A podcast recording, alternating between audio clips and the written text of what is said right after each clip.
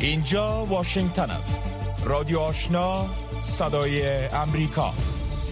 شنوندگان عزیز سلام. شب همه شما بخیر. حفیظ آصفی هستم و خوشحال هستم با تقدیم برنامه خبری ایساعت رادیو آشنا صدای امریکا با شما هستم. در سرآغاز برنامه ای ساعت توجه کنین به تازه ترین خبرهای افغانستان منطقه و جهان که احد عزیززاده به توجه می رسانه. با عرض سلام.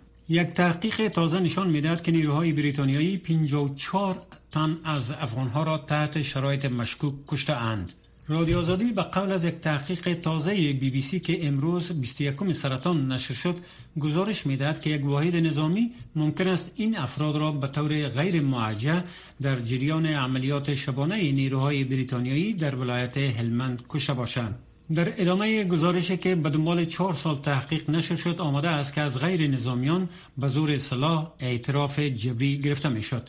جنرال مارک کارلتون اسمیت که در آن هنگام فرمانده نیروهای ویژه بریتانیا در افغانستان بود از این تلفات آگاه ساخته شده بود اما بر اساس گزارش بی بی سی او نتوانست به پلیس نظامی بریتانیا گزارش دهد وزارت دفاع بریتانیا پیش از نشر گزارش و انجام تحقیق گفته بود که شواهد کافی برای تثبیت این ادعا ندارد اما دگروال الیور لی که فرمانده نیروهای بریتانیایی در سال 2011 در افغانستان بود نشر این گزارش را تکان دهنده می داند و می گوید که به تحقیق گسترده در مورد نیاز است. یافته های یک پوژش نشان داده است که رسانه های اجتماعی نقش عمده در مسلط شدن مجدد طالبان بر افغانستان داشته است و این گروه از رسانه های اجتماعی من حیث ابزار استراتژیک استفاده کرده است تا مخاطبان داخلی و بین المللی را تحت تاثیر قرار بدهد.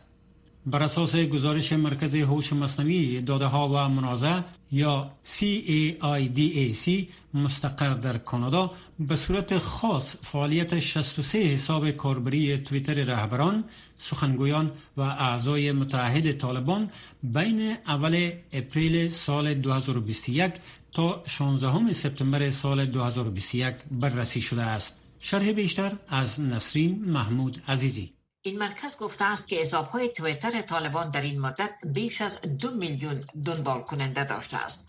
و بعد از سقوط کابل به دست این گروه این حسابات نه تنها فعال باقی ماندند بلکه دنبال کنندگان آن به 3.3 میلیون کاربر افزایش یافته است. در گزارش آمده است که طالبان از تویتر به مسابه حربه کار گرفتند. این حسابات در مدت پنجونی ماهی که زیر بررسی قرار داشتند در مجموع 112254 تویت را به چهار زبان نشر کردند و این تویت ها توسط 126 هزار حامی این گروه تقریبا یک میلیون بار باز تویت شدند. مرکز هوش مصنوعی داده ها و منازعه به نام مخفف CAIDAC در این گزارش همچنان گفته است که این گروه در برخی اوقات ادعاهای قابل قبول اما اغراق‌آمیز یا نادرست را تبلیغ می کرد این معلومات نادرستی که به صورت عمدی نشر می شد معمولا در برگیرنده ادعاهای مبنی بر پیروزی زودنگام یا گرفتن مسئولیت رویدادها بود. بر اساس این گزارش محتوای این مطالب به گونه طراحی شده بود تا افغانها و جامعه بین المللی را متقاعد کند که تسلط طالبان بر افغانستان اجتناب ناپذیر است. ادامه اخبار. گزارش سالانه ملل متحد درباره اطفال و درگیری های مسلحانه می‌گوید هزاران طفل در شرایط هولناک در مناطق جنگ به سر می‌برند. گزارش از تقریبا 24 هزار مورد تثبیت شده تخطی در حق اطفال خبر می‌دهد که به طور اوسط روزانه به 65 مورد می‌رسد. منشی عمومی سازمان ملل متحد گزارش سالانه خود را برای سال 2020 درباره اطفال و درگیری های مسلحانه در جهان روز دوشنبه نشر کرد. گزارش افغانستان را در رأس کشورهای قرار می دهد که در آن اکثریت اطفال از تخطی های ناشی از جنگ و نزاع متأثر شده اند. نماینده یونیسف در افغانستان می‌گوید که شماری از بیجا شدگان داخلی در شمال افغانستان با مرکب به سوی ولسوالی یکاولنگ در ولایت بامیان می روند. محمد ایویا در تویترش نوشته تعدادی از این بیجا شدگان که کودکان نیز شامل آنها هستند پس از چهار ساعت پیاده‌روی در کوه خود را به ولسوالی یکاولنگ رسانیده اند به گفته سازمان ملل متحد در نتیجه درگیری های اخیر در ولایت بلخاب ولایت سرپل حداقل 27 هزار تن آواره شده اند. مقام های محلی به خبرگزاری باختر دولت طالبان گفتند که در پی جاری شدن سیلاب های ناگهانی در ولسوالی زرمت و سایر مناطق ولایت پکتیا در 24 ساعت گذشته حداقل 6 نفر کشته 4 نفر زخمی و صدها خانه مسکونی تخریب شده است معاون والی اورزگان گفته که در جریان سیلاب های اخیر در ولایت اورزگان نیز حداقل 26 تن کشته شده اند و سیلاب در اصولی های خاص ارزگان، گیزاب و چوره آن ولایت واقع شده است. دفتر امانگی امور کمک های بشری سازمان ملل متحد اوچا از یک کمک جدید 2.5 میلیون دلاری دنمارک به صندوق بشردوستانه افغانستان خبر داده است. اوچا در توییت از این بسته کمکی دنمارک برای رسیدگی به نیازمندان در افغانستان قدردانی کرده و خواستار کمک های بیشتر بشردوستانه به مردم آن کشور شده است.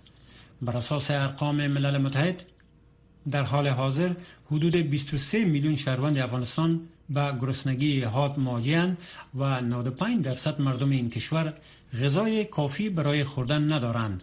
این سازمان همچنین گفته است که 10 میلیون کودک افغان برای زنده ماندن به کمک های فوری نیاز دارند.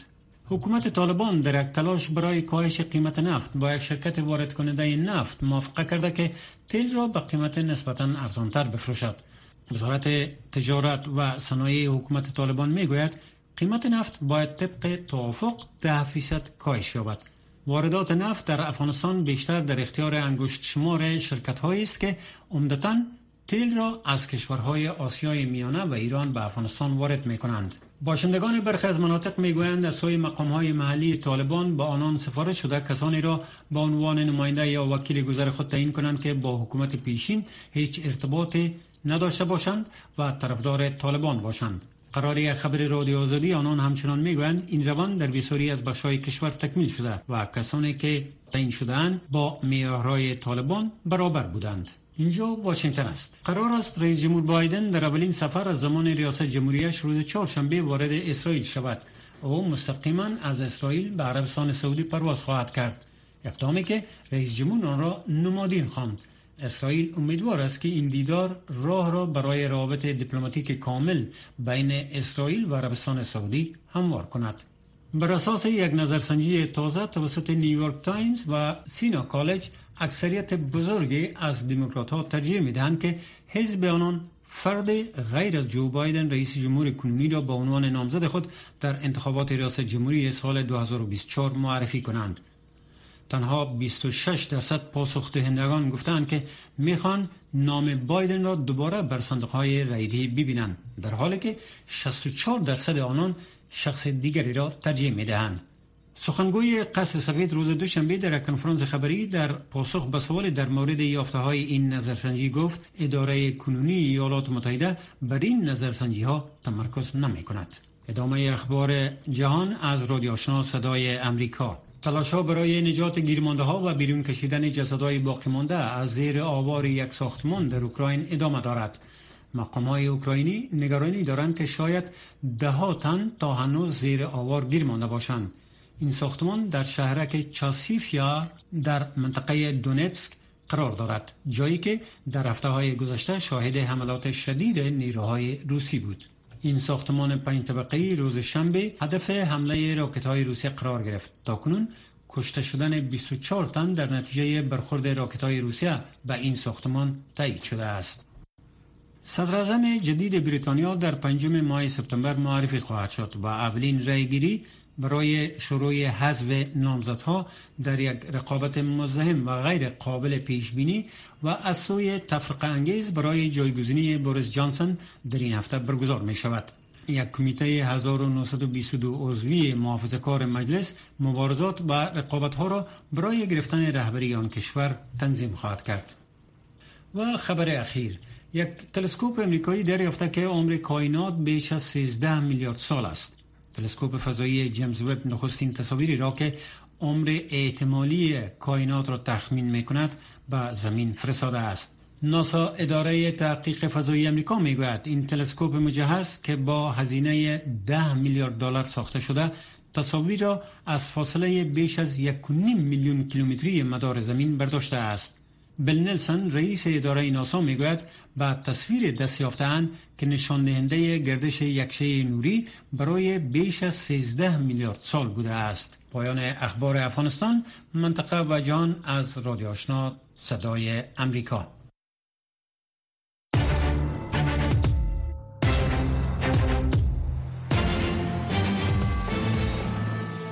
رک و راست صحبت های داغ صاحب نظران و نظریات شنوندگان در مورد خبرها و مسائل روز هر شام از ساعت 8 تا 9 شب در برنامه مشترک دری و پشتوی رادیو آشنا صدای امریکا.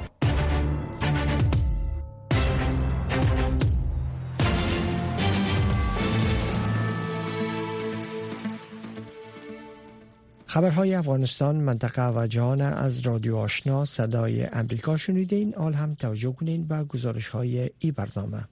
سرپرست وزارت دفاع حکومت طالبان میگه که وزارت دفاع قطر پیشنویس یک قرارداد با اونا پیشکش کرده که در مورد او رایزنی خواهد شد.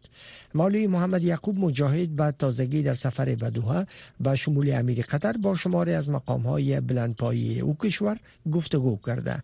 جزیات بیشتر در این گزارش مشنوین مولوی محمد یعقوب سرپرست وزارت دفاع طالبان پس از یک سفر رسمی دو روزه به قطر در جریان هفته گذشته در مصاحبه به تازگی با تلویزیون ملی افغانستان گفت که مقامات قطری امضای یک قرارداد امنیتی را بین وزارت‌های دفاع قطر و حکومت طالبان به وی پیشنهاد کردند و مسوده قرارداد را نیز برای بررسی به وی سپردند. به گفته سرپرست وزارت دفاع حکومت طالبان از طریق این قرارداد بین دو کشور همکاری هایی که به نفع دو جانب باشد صورت خواهد گرفت. ما این را با فال نیک گرفتیم. در مورد آن رایزنی و مطالبان را مطالعه می کنیم بعد آنچه منافع ملی ایجاب می کند پیش خواهیم رفت. مولوی مجاهد افزود که در زمینه تامین ماش و لباس سربازان وزارت دفاع طالبان همچنین تقویت نیروهای مرزی این گروه و خدمات صحی از مقامات قطر خواستار کمک شده است. حکومت طالبان نزدیک به 11 ماه پیش در افغانستان دوباره مسلط شد اما هنوز هیچ کشور آن را به رسمیت نشناخته است اما حکومت طالبان های را در قطر، روسیه، چین و چندین کشور دیگر مقرر کرده همچنان به شمول چند کشور اروپایی، روسیه، چین، ترکیه، پاکستان، ایران، هند و چندین کشور آسیایی میانه سفارتهایشان را در کابل دوباره فعال کردند. سید جواد سجادی استاد روابط بین الملل گفت که قطر یکی از متحدین نزدیک طالبان است از همین رو هر اقدامی که برای خروج طالبان از انزوا لازم باشد و منجر به مسلط شدن آن گروه بر اوضاع شود قطر انجام می دهد. آقای سجادی گفت که در عرصه بین الملل تنها دولت ها و سازمان ها می توانند قرارداد عقد کنند و در صورتی که از لحاظ حقوقی چنین شخصیت های وجود نداشته باشد عملا امضای قرارداد نیز امکان پذیر نیست اما با گفته وی با توجه به این که عرصه بین الملل دارای پیچیدگی های مختص به خود است گاهی دولت ها و سازمان ها به کشوری که دفکتوست و یک پله پایینتر از حکومت رسمی قرار دارند نظر به نیازمندی وارد تعامل می شوند ممکن است قطر به لحاظ رسمی و به لحاظ محدودیت های بین المللی حکومت طالبان را به رسمیت نشناسد. ولی به لحاظ دفکتو و در مرحله پایینتر حکومت طالبان را به رسمیت بشناسند و خود را ملزم به اجرای قرارداد بکنند که عملا با حکومت طالبان امضا می‌کنند. همچنان آقای سجادی افزود که در عرصه بین الملل مقررات وجود ندارد که دولت ها و سازمان های بین المللی را از انجام تعاملات به صورت دفکتو و امضای قراردادها و موافقتنامه ها منع کند. قرارداد دوحه بین ایالات متحده و بین طالبان نیز در همین چارچوب قابل بررسی است. بسم الله تابان کارشناس سیاسی امنیتی به صدای امریکا گفت که موجودیت شخصیت حقوقی یکی از شرایط عقد قرارداد است و در سطح بین زمان کشورها می توانند قرارداد را امضا کنند که هم دیگر را به عنوان شخصیت حقوقی قبول بکنند. دولت قطر اگر مطابق قوانین بین رفتار بکنه صلاحیت عقد قرارداد با رژیمی که هنوز به رسمیت نشناخته ندارند اما در بسیاری موارد کشورها از طریق سکتور خصوصی پیش میان که مثل که قرارداد میدان هوایی را با شرکت امارات متحده عربی امضا کرده که رژیم طالبا یک شرکت با تابعیت عربی است نه دولت امارات متحده عربی. بنابراین ممکن طالبا از تکتیک به خاطر رسیدن به اهداف خود با کشور قطر هم استفاده بکنند به گفته تابان کشورها همواره هر آنچه منافع ملیشان را برآورده کند انجام می‌دهند و اگر قطر هم به امضای قرارداد اقدام کند بدون شک قدرت های بزرگ چون ایالات متحده و اتحادیه اروپا را در جریان قرار می دهد و بدون مشوره و اجازه آنها کار انجام نخواهد داد. اما این کارشناس سیاسی امنیتی با اشاره به نقض حقوق بشری و شهروندی مردم افغانستان به ویژه حقوق زنان اقلیت های مذهبی و قومی توسط طالبان و عملکرد سرکوبگرایانه این حکومت گفت که نگرانی جدی در بین مردم افغانستان منطقه و جهان وجود دارد که مبادا رفتار دولت ها با چنین رژیمی عادی شود آن را به رسمیت بشناسند. در حالی که رسمیت دادن به تروریسم یک خطری جدی است شنوندگان گرامی رادیو آشنا صدای امریکا نشرات رادیو آشنا را در موج متوسط 1296 موج کوتاه 11575 اشاری سفر و در موج 972 کیلوهرتز شنیده می توانید. نشه فارن پالیسی در گزارش به نقل از یک پژوهشگر گفته که سراجدی نکنی یکی از رهبران پرقدرت طالبان در حال تقویت کنترل خود بر معادن افغانستان است. زیرا می‌فهمه که این بخش با گسترش شگاف های درون طالبان و احتمال وقوع جنگ داخلی بودجه لازم برای گرفتن قدرت تأمین خواد کرد. ای که آیا احتمال جنگ داخلی افغانستان تهدید می‌کنه در این مورد نسرین محمود عزیزی مصاحبه با اسحاق قطمر از انستیتوت آی سی دی برلین انجام داده که با هم میشنویم آقای مرد در آستانه یک سالگی تصرف قدرت از جانب طالبان در افغانستان آیا جنای حقانی در حال گسترش نفوذ خود در داخل گروه است؟ باور بیست که نه تنها جنای حقانی بلکه دیگر جناها هم تلاش می‌کنند تا در نظام قدرت و زور خود را ثبوت بسازند و معمولا جنای حقانی چون ارتباطش بیشتر با استخبارات پاکستان است و از خاطر گروه حقانی زیاد تلاش می‌کنه تا در نظام فعلی اینا حاکمیت خود زیاد تعمیل بکنه روی دیگر گروه های سیاسی که در نظام هستند. تا چه حد احتمال انقسام در داخل گروه طالبا وجود دارد؟ نظریات و افکار از اینا فرق می‌کنه.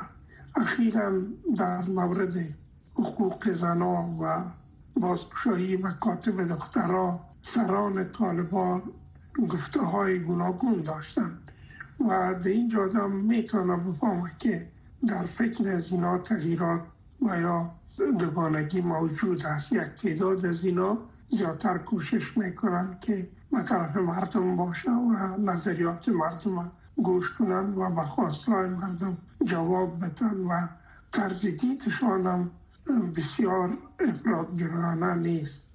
و یک تعداد دیگر به اصطلاح محکم روی فکر خود ایستاد هستند و هیچ نوع تغییر و یا تمکین در برابر خواست مردم ندارند در صورت انشعاب در بین گروه طالبان به نظر شما چقدر احتمال جنگ داخلی در افغانستان وجود دارد؟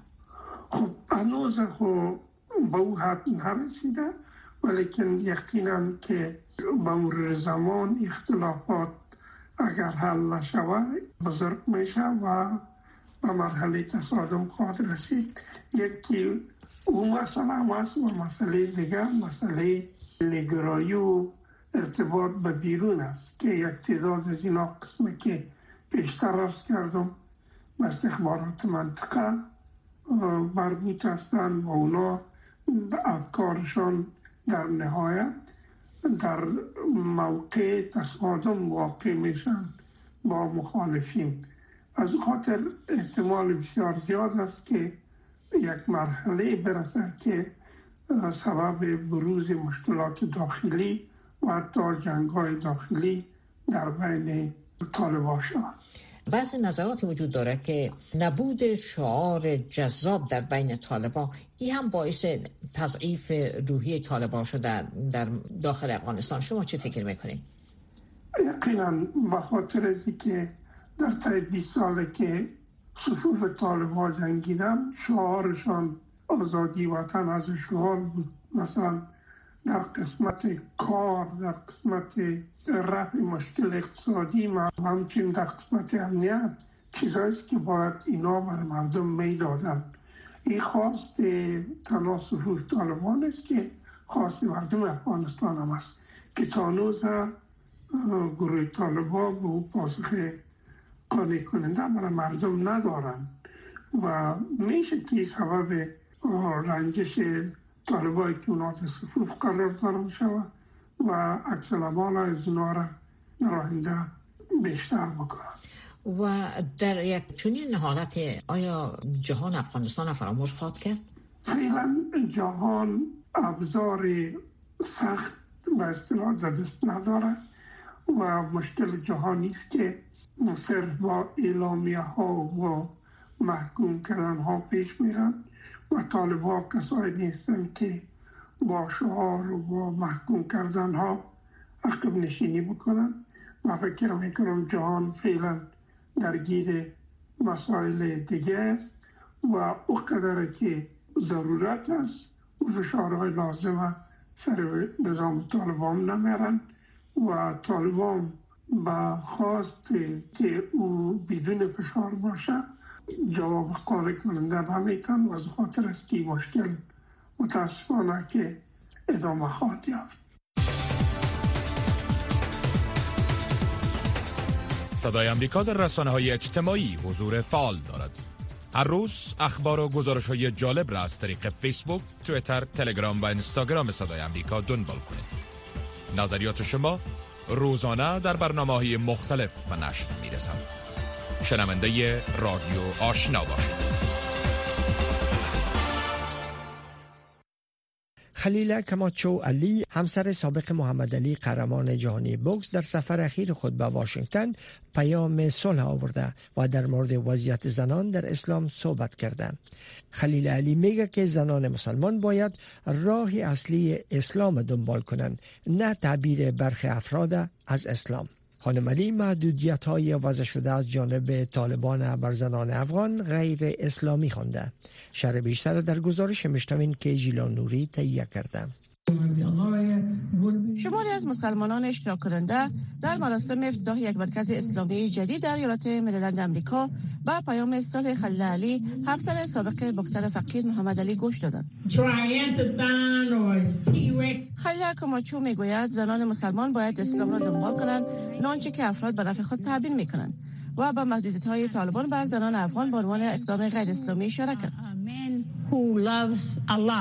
اگر شما الله را دوست دارید باید مانند حضرت محمد صلی الله مسلمان خوبی باشید و باید مطابق قوانین اسلام عمل کنید. و اگر کسی برخلاف میل خداوند عمل می کند در اصل برخلاف اسلام و قرآن که به ما آموخته است عمل کرده است. همسر محمد علی در ایالت فلوریدا زندگی می کند و یک بنیاد خیریه کمک برای مسلمانان دارد. او در دیدارش از منطقه واشنگتن پیام صلح و اتحاد بین مسلمانان را آورده بود. و در سخنانی های خود در مورد اهمیت نقش زنان در اسلام اعتماد به نفس حق تحصیل خانواده و مادر بودن صحبت نمود. من تازه از افغانستان قبل از روی کار آمدن طالبان برگشتم و به افغانستان سفر کرده بودم. یکی از دوستانم مرا در کابل راهنمایی کرد. از من پذیرایی شد. من برای دیدن یک یتیم خانه رفته بودم. دختران و پسران کوچک مسلمان در صفوف مختلف ورزش های رزمی را یاد می گرفتن بسیار خوب بود. آنها با آوردن دستای گل و کارهای دستی از من استقبال کردند. عالی بود. و من به سراسر جان سفر کردم و باعث شدم که محمد علی فراتر از بوکسینگ در عرصه کمک های خیریه نیز بگیرد. خلیل در مورد وضعیت افغانستان و اعمال محدودیت ها بر زنان افغان گفت زنان مسلمان باید بتوانند از اولیه کار و زندگی در محیط اسلامی مستفید شوند نه اینکه مورد سرکوب قرار گیرند. از این وضعیت متنفرم که می‌بینم دختران و زنان اجازه درس خواندن ندارند و در خانه هایشان زندانیاند. وضعیت فعلی شباهت به 300 سال قبل را دارد. اما قرآن به ما مخته است که درس بخوانیم. دختران و پسران زنان و مردان باید درس بخوانند و بسیار غم است که زنان در وضعیت فعلی در افغانستان قرار دارند. من برای یک راه حل خوب در آینده برایشان دعا می کنم و امیدوارم که به زودی وضع آنها بهتر شود.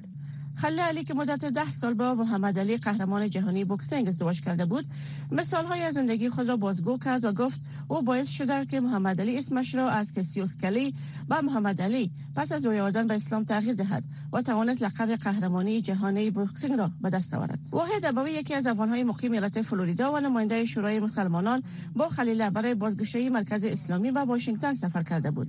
او می‌گوید این مرکز جدید اسلام واقعی را برای مردم یاد می‌دهد. university دمیجا ما می‌خواهیم که واز کنیم که یعنی اسلام درس داده شود برای شاگردا که وا بتانن به درستی برای مردم امریکا هم خود اسلام explain کنن خلیل هم می‌گوید او به زودی کتاب دوم خود را منتشر می کند که داستان زندگی یک زن مسلمان و وقت های زندگی را باستاب می دهد.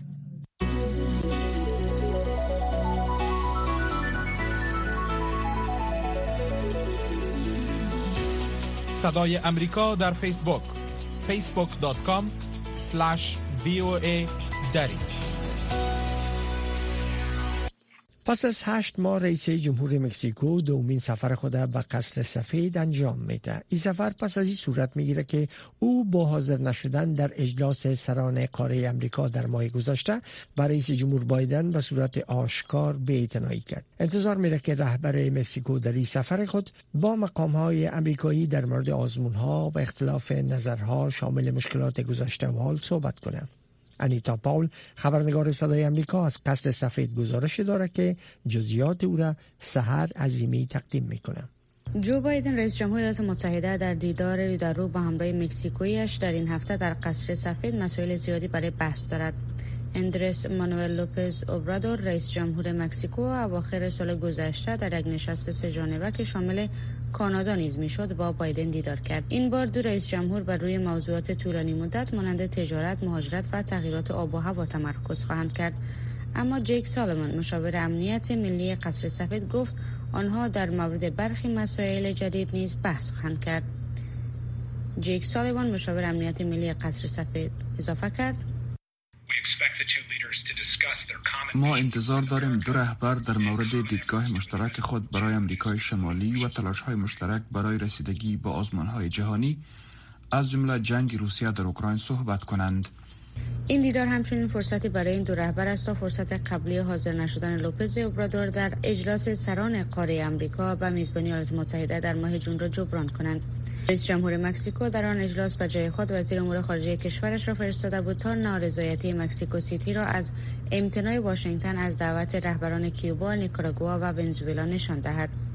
اندرس مانوئل لوپز اوبرادور رئیس جمهور مکزیکو گفت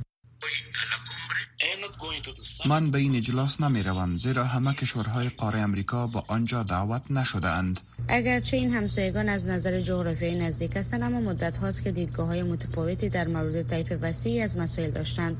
رایان برگ تحلیلگر به صدای امریکا گفت که آنها منتظر یک گفتمان باز مهم هستند. من فکر می کنم خیلی بهتر است که برخی از نارضایتی های خود را به طور عمومی بیان کنیم و در مورد آن صحبت کنیم. مانند یک رابطه دیپلماتیک کامل که بین ایالات متحده و مکسیکو انتظار دارید.